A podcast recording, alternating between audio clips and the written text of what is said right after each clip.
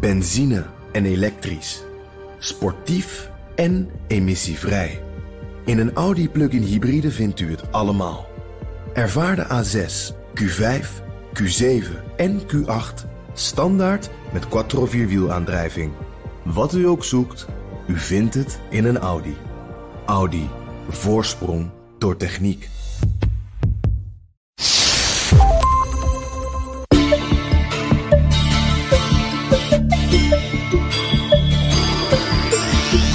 Vijf jaar geleden stond er niet één Chinese bank in de top 3 van grootste banken ter wereld. Nu is de top 3 Chinees. En dus moeten die banken zich ook houden aan internationale regels. Dat zijn banken die voldoende gecapitaliseerd zijn, die een goed risicomanagement hebben. Enfin, die zich aan allerlei regels houden die uh, eh, JP Morgan Chase of uh, uh, ABN AMRO of ING, waar die zich ook aan moeten houden. Toch hebben deze regels niet voorkomen dat er grote problemen ontstaan, zoals bij vastgoedreus Evergrande. De overheid gaat daarom aan de slag om deze problemen aan te pakken. Wat je nu de, de afgelopen periode ziet, is dat er enorm veel extra regulering is op allerlei verschillende gebieden. Uh, en ik denk dat dat inderdaad achterstallig uh, onderhoud is. In deze aflevering onderzoek ik, Liao Wang, hoe de bankensector in China eigenlijk in elkaar zit. Hoe erg verschilt die van de Nederlandse sector? En hoe groot is de invloed van de overheid op de Chinese banken?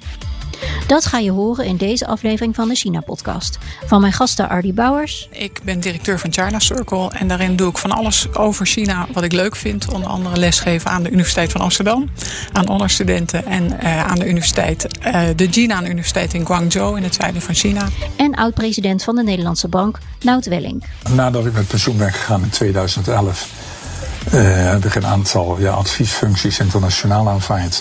En ben ik lid van uh, het bestuur, een niet-uitvoerend lid heet dat, geworden. Eerst van de Bank of China en op dit moment van ICBC, de Industrial and Commercial Bank of China. En ICBC, hè? Hoe groot is die bank in China? Waar, kunnen we een idee krijgen? Want dat is altijd met China. Ja. over welke schaal praten we hier? Nou, dat is de grootste bank van de wereld. De eerste vier banken op de wereldranglijst zijn over Chinese banken. Dit is een bank met een, balans totaal van ongeveer uh, in dollars 5 biljoen, dus 5000 miljard.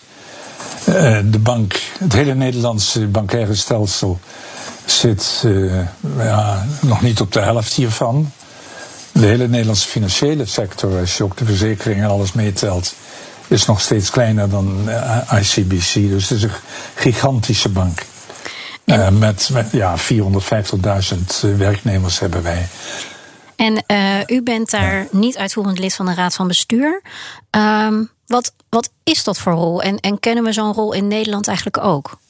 Nou, in Nederland, we hebben in Nederland eigenlijk een, uh, meestal een ander systeem. We hebben een, een, raad van bestuur en dan een raad van commissarissen. En dat heet dan deftig een, een one-tier, een two-tier board. Uh, dit is meer wat het Anglo-Saxische model is. Alle bestuursleden zitten in één board. Dus ook zeg maar de toezichthoudende bestuursleden. Wat, wat wij de commissarissen zouden noemen. Maar die zitten dan dichter bij de uitvoerders dan commissarissen zitten. Dus uh, wij zitten er dichter bovenop bij wat de mensen die het dagelijkse werk doen. En we hebben ook meer verantwoordelijkheden. We worden bij meer besluiten betrokken. Precies.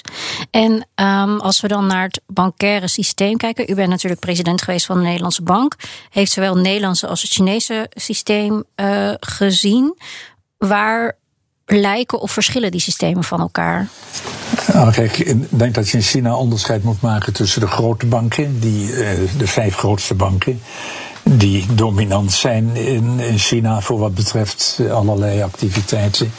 En het kleinere bankwezen, de banken die in de, zeg maar in de regio of in de steden opereren. Die grootste banken, dat zijn allemaal banken die volgens internationale spelregels ook echt werken. Daar wordt ook op toegezien. Uh, dat betekent dat zijn banken die voldoende gecapitaliseerd zijn, die een goed risicomanagement hebben. Enfin, die zich aan allerlei regels houden die uh, JP Morgan Chase of uh, ABN AMRO of ING, waar die zich ook aan moeten houden. Bij die kleinere banken is het wat diffuser of hoe dat allemaal precies in elkaar zit. Die zitten dichter bij de burgers op lokaal niveau, dichter bij lokale overheden. Um, ja, je ziet dat daar ook meer problemen, ook in de afgelopen jaren, uh, zijn geweest. Maar ik, ik, focus me dus op de, de grote banken. En die lijken qua governance, als ik dat woord mag gebruiken, gewoon op uh, de one-tier banken in, in de rest van de wereld. En Ardi, als je vanuit zeg maar, de gewone Chinees kijkt, um, is er dan ook zo'n onderscheid tussen die grote banken en de kleine banken? Ja, er is een enorm verschil. Maar deze, de, gewone Chinees bestaat natuurlijk niet. Uh, ik heb zelf een rekening bij ICBC, omdat, ik, uh, omdat de ICBC mooi, bank mooi. op de campus van de Gina Universiteit. Heb je nog uh, feedback? Want nu is het moment. Uh, nee, maar goed, dus dat is een bank die inderdaad overal is. Dus als je op een universiteit, uh, uh, als je betaald wil worden, dan moet je een bankrekening openen. En dat is dan de bank, in dit geval op de campus. Um, wat ik zie en wat ik ook hoor van bijvoorbeeld mijn studenten die uit allerlei verschillende in China, die uit allerlei verschillende onderdelen of delen van China komen, um, is dat met name mensen die van het platteland komen, um, te maken hebben met die veel kleinere banken. en eigenlijk hoor je daarbij dat er heel weinig vertrouwen is in banken. En dat uh, uh, mensen een beetje om die banken heen manoeuvreren. Dus, dus uh, als, als mensen geld hebben, dan stoppen ze dat liever in vastgoed dan dat ze dat op de bank zetten. en ik weet bijvoorbeeld ook van mensen dat, er, dat ehm, ze zich zorgen maken over hun ouders, die dan zich hebben laten verleiden om met een soort piramideachtig spel mee te doen. Dus, en, en dan 20.000 uh, yuan verliezen, wat dan een enorm uh, bedrag is voor ze. Uh, dus de, van ouds is er niet een heel groot ehm, vertrouwen in banken, met name in, in de banken die, er, die toegankelijk zijn op het platteland. Tussen de banken en de consument zit nog een laag. Techbedrijven als Alibaba en Tencent. Tot onvrede van de Chinese overheid. En dus probeert diezelfde overheid daar iets aan te doen. Wat er aan het gebeuren was, was het volgende. Als ik een winkelier ben Laat ik een simpel voorbeeld geven. Als ik een winkelier ben en ik verkoop een product, uh, dan wil ik wel zeker weten dat ik mijn geld krijg. Nou ja, als je de klant kent en die staat voor je neus, is dat geen probleem. Maar als de klant het via het internet doet, dan wordt het wat ingewikkelder. Dus die, die, die bedrijven, die winkeliers, die wilden dat de klanten hun geld vaststorten. Maar als dat op een rekening al staat, dan is de verleiding heel groot om daarmee iets te gaan doen voor die, voor die winkelier. En zo zijn uh, die winkels, uh, die zijn als het ware banken geworden, die leningen zijn gaan geven, die de kwaliteit van consumenten zijn gaan checken, die allerlei bankaire dingen zijn gaan doen waar ze geen vergunning voor hadden. En wat nu aan het gebeuren is, dat is dat de overheid vrij hard aan het ingrijpen is. En die techbedrijven, eh, of ze in totaliteit onder controle brengt. Dat is het model dat in Europa eh, op dit moment gevolgd wordt. Of dat voor alle deelactiviteiten in de bankaire sfeer, dat daar vergunning voor gegeven moet worden. Uh, en dan de toetsing van de kredietwaardigheid. En dan zie je typisch een Chinees element. Dat wordt dan ondergebracht in een aparte firma. Uh, uh, en die firma is dan weer door de staat wordt. Uh, de ja, de, de staat. Ja. ja. Hardy, jij wilde daar nog iets aan toevoegen? Ja, nee, nou, wat interessant is uh, om te zien. Uh, je hebt inderdaad de, de Alipays en de, de WeChat Pays. Uh, en daar gaat waanzinnig veel geld in om. en op een gegeven moment hadden, had Jack Ma, de, de, de topman van Alibaba, waar Alipay ook onder valt. Um, die zei van, goh, wij vinden dat wij een techfin bedrijf zijn. Tech is eerst en dan financieel. We vinden uh, dat we helemaal goed aan alle regels voldoen. Als je maar ons ziet als een techbedrijf wat ook financiële diensten aanbiedt. Um, en daar was een grote discussie over, waarbij uiteindelijk de Chinese autoriteiten zeiden: Nou, nee, jullie zijn een fintech-bedrijf. En dat betekent dat die, financiële regels en eisen, die veel strenger zijn, uh, dat die ook voor jullie moeten gelden. En daardoor is er op een gegeven moment enorm veel. Uh, dat, tenminste, dat is de basis van, van de veranderingen nu. En als we dan uh, even kijken naar de regelgeving. Hè. In Nederland hebben we natuurlijk de Nederlandse Bank. Uh, dat is de toezichthouder. En de Nederlandse Bank is ook heel onafhankelijk van de Nederlandse staat. Uh, meneer Welling, hoe is dat in China geregeld? Nou, daar is niks onafhankelijk van de overheid. alles gaat in, in onderling overleg. Dus als zoiets voor het bankwezen ontwikkeld moet worden, dan wordt daar met de banken over gesproken. Maar ik weet wel, als ik voorstellen bijvoorbeeld op een gegeven moment deed, uh, uh, die, die nieuw waren voor hem, dan volgde daar overleg over uh, met alle departementen die erbij betrokken zouden kunnen worden, om het Nederlands woord te gebruiken. Uh, het, het, kan de industrie zijn, het kan de exportsector zijn, het kan uh, degene zijn die zich met valuta's bezighoudt, maar ook het ministerie van Financiën en uiteindelijk ook de partij. dus in die zin is er geen onafhankelijkheid. ja, en, en, wat ik gewoon zie is, ja, dit systeem werkt echt anders dan bij ons. Maar het heeft ook echt zijn goede kanten. Kijk, het Chinese systeem is op zichzelf bezien een kwetsbaar systeem.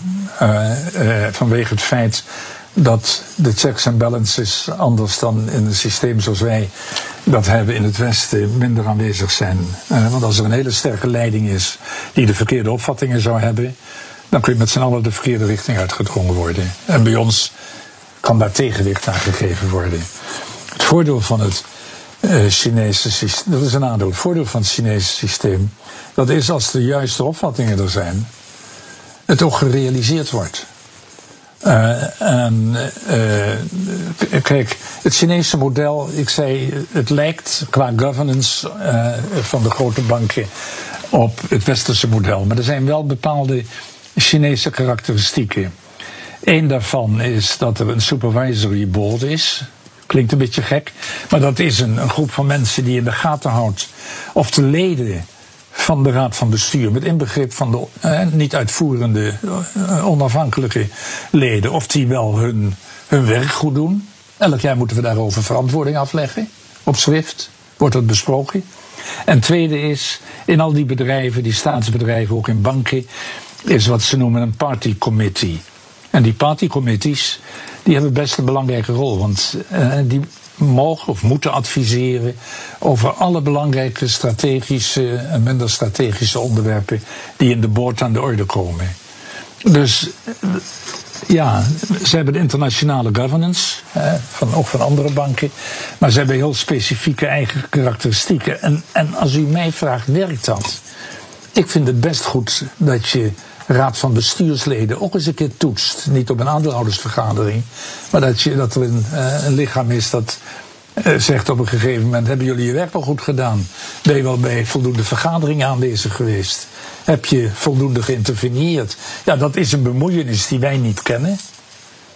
Maar die ik als positief ervaren. En ik moet zeggen, de partycommittee, waar ik wel eens vraagtekens bij gezet heb, uh, omdat ja, een advies van de partij. Hoe dringend en dwingend is dat advies?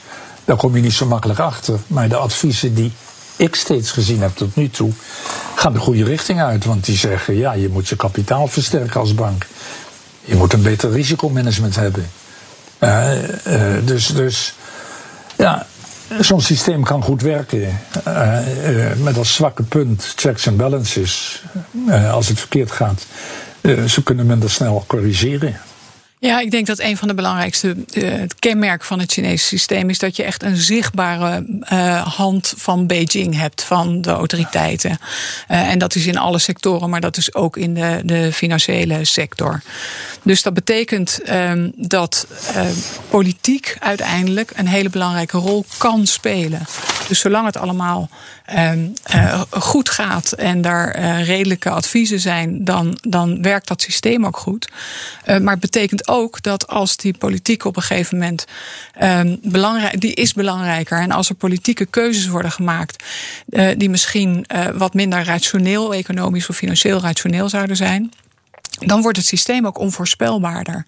Want het kan ja. zijn dat op een gegeven moment politieke overwegingen um, de doorslag geven boven de financiële of uh, bankaire of economische overwegingen. Een duidelijk voorbeeld daarvan is Evergrande. Die Chinese vastgoedreus werd dit jaar plotseling wereldnieuws.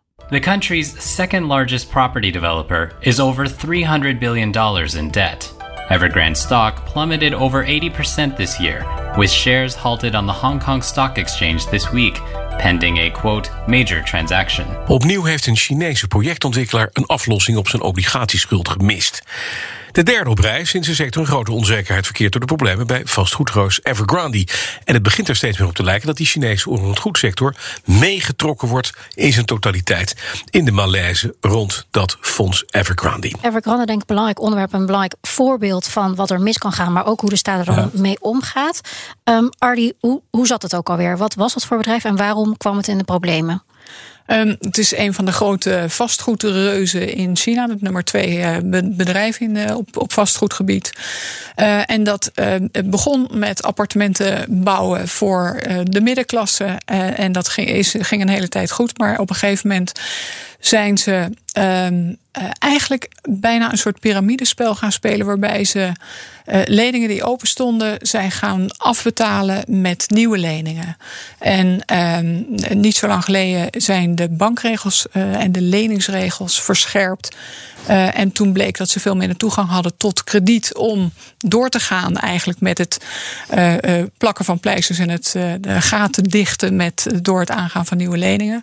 Dus zijn in betalingsproblemen gekomen, staan nu op wankelen, zijn nog niet failliet, maar hebben een aantal termijnen niet, niet gehaald. En de grote vraag is nu: wat, wat gaat er gebeuren? En het grote dilemma voor de Chinese autoriteiten is: gaan wij gaan we Evergrande helpen. Uh, met als gevolg dat je een hele sector het verkeerde voorbeeld geeft. Je, je geeft een, een bonus op slecht gedrag. Of laten we ze omvallen, wat uh, tot gevolg kan hebben dat heel veel mensen, ook allerlei, niet alleen mensen die er werken, maar ook allerlei mensen die appartementen hebben gekocht, die nog niet gebouwd zijn, uh, de dupe worden. Ja, uh, dus want, het is een enorme balanceeract. Want onderliggend ja. is natuurlijk het is er een ander probleem, namelijk dat er enorm veel gebouwd wordt in China, dat er enorm veel leegstand is, ja. maar dat daar desondanks enorm veel in geïnvesteerd wordt, omdat Chinezen hun geld ergens in kwijt moeten. Dus nog los van Evergrande. Ik ben ook wel benieuwd hoe u er naar kijkt, eh, meneer Wellink. Maar zitten we hier naar een grote vastgoedbubbel in China te kijken? Ja, maar, ik wil toch even iets zeggen over Evergrande. Want het is waar, ze zijn uh, aan, het, aan het bouwen gebleven. De re regering heeft, ik denk in 2017, dat, dat is het nationale beleid, gezegd... We willen dat de leverage van de verschuldigdheid van de grote bedrijven omlaag gaat. Daar had de regering de bevoegdheid toe om dat te zeggen. Uh, maar vervolgens moet het uitgevoerd worden. En dat kunnen ze uitvoeren via het bankwezen. Het bankwezen heeft daar vervolgens aan die wens voldaan en is de leningen gaan, uh, ja, geleidelijk gaan afbouwen, geleidelijk gaan verminderen. Maar het gat dat open was, uh, en dat geeft ook het politieke probleem. Het gat dat open was, dat is dat vervolgens Evergrande, om die appartementen te kunnen bouwen, toch geld nodig had. En dat is geld gaan verzamelen via het uitgifte van buitenlandse bonds. Daar had de centrale overheid wel wat aan kunnen doen, maar dat is relatief beperkt gebleven. Maar is op grote schaal wat ik noemde pre-sales gaan plegen, appartementen gaan verkopen voordat ze gebouwd waren. En met dat geld uh, zijn ze aan het werk geslagen. En dat zijn anderhalf miljoen mensen uh, die uh, nu wachten op de afbouw van een woning. kom ik op het, naar mijn oordeel, grootste punt, probleem wat hier speelt bij Evergrande. Dat is, het is in belangrijke mate een politiek probleem. Uh, uh, het heeft van doen met de macht van het centrum. Uh, of de onmacht op een aantal terreinen. Het heeft van doen met het feit dat het centrum heeft gezegd: wij willen het private, banken, private bedrijfsleven niet meer steunen. Maar ja, dit kun je niet laten omvallen, want anders ontstaat er een enorme ellende. Het heeft van doen met wat ik noemde. we willen geen extravagant gedrag, maar dat deden ze daar toch en dat is daar lokaal toegestaan. Nou, dat maakt het pro probleem voor de centrale overheid zo moeilijk. Maar als je mij vraagt, wordt dit uiteindelijk opgelost? Ja, op de Chinese wijze. Er zullen, mensen, er zullen delen failliet gaan. Er zullen mensen gestraft worden. Er zullen staatsbedrijven betrokken worden bij de overneming van onderdelen van dit bedrijf. En de banken zullen uh, voorlopig doorrollen. Uh, leningen. En als het kleine banken in de provincie zijn, dan zullen het de grote banken zijn die uh, die kleine banken dat mogelijk maken. Tezamen met een overheid, een centrale bank, die voldoende liquiditeit ter beschikking stelt. Of het ook daadwerkelijk zo met Evergrande gaat aflopen, is nu nog niet te zeggen. Wat wel duidelijk is, is dat de Chinese overheid steeds meer aan de knoppen gaat zitten. Maar wat betekent dat voor de toekomst? Komt er binnenkort nog meer regelgeving? Ik vraag het aan beide gasten. Wat je nu de, de afgelopen periode ziet, is dat er enorm veel extra regulering is op allerlei verschillende gebieden. Uh, en ik denk dat dat inderdaad achterstallig uh, onderhoud is. Wat je wel merkt, is dat um, uh, het niet voor iedereen even begrijpelijk is. Dat het vrij complex is en dat niet iedere speler um, daar even makkelijk mee, mee om kan gaan. En dat betekent dat er ook wel iets van kansenongelijkheid is. Um, als ik kijk, maar dan kijk ik heel erg op op een politieke manier, dan uh, zie ik dat uh, de Chinese autoriteiten uh, meer dan vijf jaar of tien jaar of twintig jaar geleden behoefte hebben om um, aan de knoppen te zitten. Uh, en uh, daar speelt de Chinese Communistische Partij echt een hele belangrijke rol in. Dus eerder meer regelgeving en uh, dat de overheid een stap naar voren blijft doen dan, dan weer terug. Dat zou ik verwachten, ja. ja. Meneer Welling, hoe kijkt u er tegenaan? Nou ja, ik ben het met die analyse op zichzelf bezien eens, maar ik probeer altijd uh, ons ook een beetje op aarde en op onze eigen aarde terug te brengen. Om een paar voorbeelden te geven. Als ik uh, over China hoor over demografische ontwikkelingen. Nou ja, dan weet ik dat de netto-reproductiefactor, het aantal kinderen dat uh, per vrouw dan wordt geboren, dat is 1, wat is het, 1,3. Uh, maar het is in Europa 1,36. Dat scheelt niet zo vreselijk veel. Uh, wij, waar het mij eigenlijk steeds om gaat is. Wij focussen ons dan op de regelgeving in China. En dan zeggen we, zijn, waar zijn ze nou weer mee bezig met die techbedrijven? Uh, of wat ze in de sfeer van de pandemie aan maatregelen treffen zijn. Of met gezichtsherkenning. En dan hebben we niet in de gaten dat er in Londen net zoveel camera's staan als in Beijing. Maar het is een fantastische kans ook voor nieuwe industrieën. Laten we daaraan gaan werken. Waar kunnen wij als bank stimulerend werken? Dit was aflevering 11 van het derde seizoen van de China-podcast. Dank aan mijn gasten Ardy Bouwers en Nout Wellink. Deze podcast komt mede tot stand door het Leiden Asia Center. De China-podcast wordt gemaakt door mij, Liao Wang en John Boy Vossen, die de productie voor zijn rekening neemt. In de volgende aflevering kijken we naar het Chinese zorgsysteem. Eerdere afleveringen van de China-podcast zijn terug te luisteren via bnr.nl slash China-podcast, de BNR-app of je favoriete podcastplatform. Reageren? Dat kan via podcast.bnr.nl.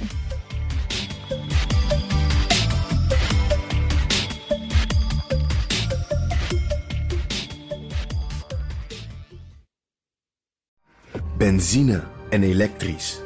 Sportief en emissievrij. In een Audi plug-in hybride vindt u het allemaal. Ervaar de A6, Q5, Q7 en Q8 standaard met quattro vierwielaandrijving. Wat u ook zoekt, u vindt het in een Audi. Audi. Voorsprong door techniek.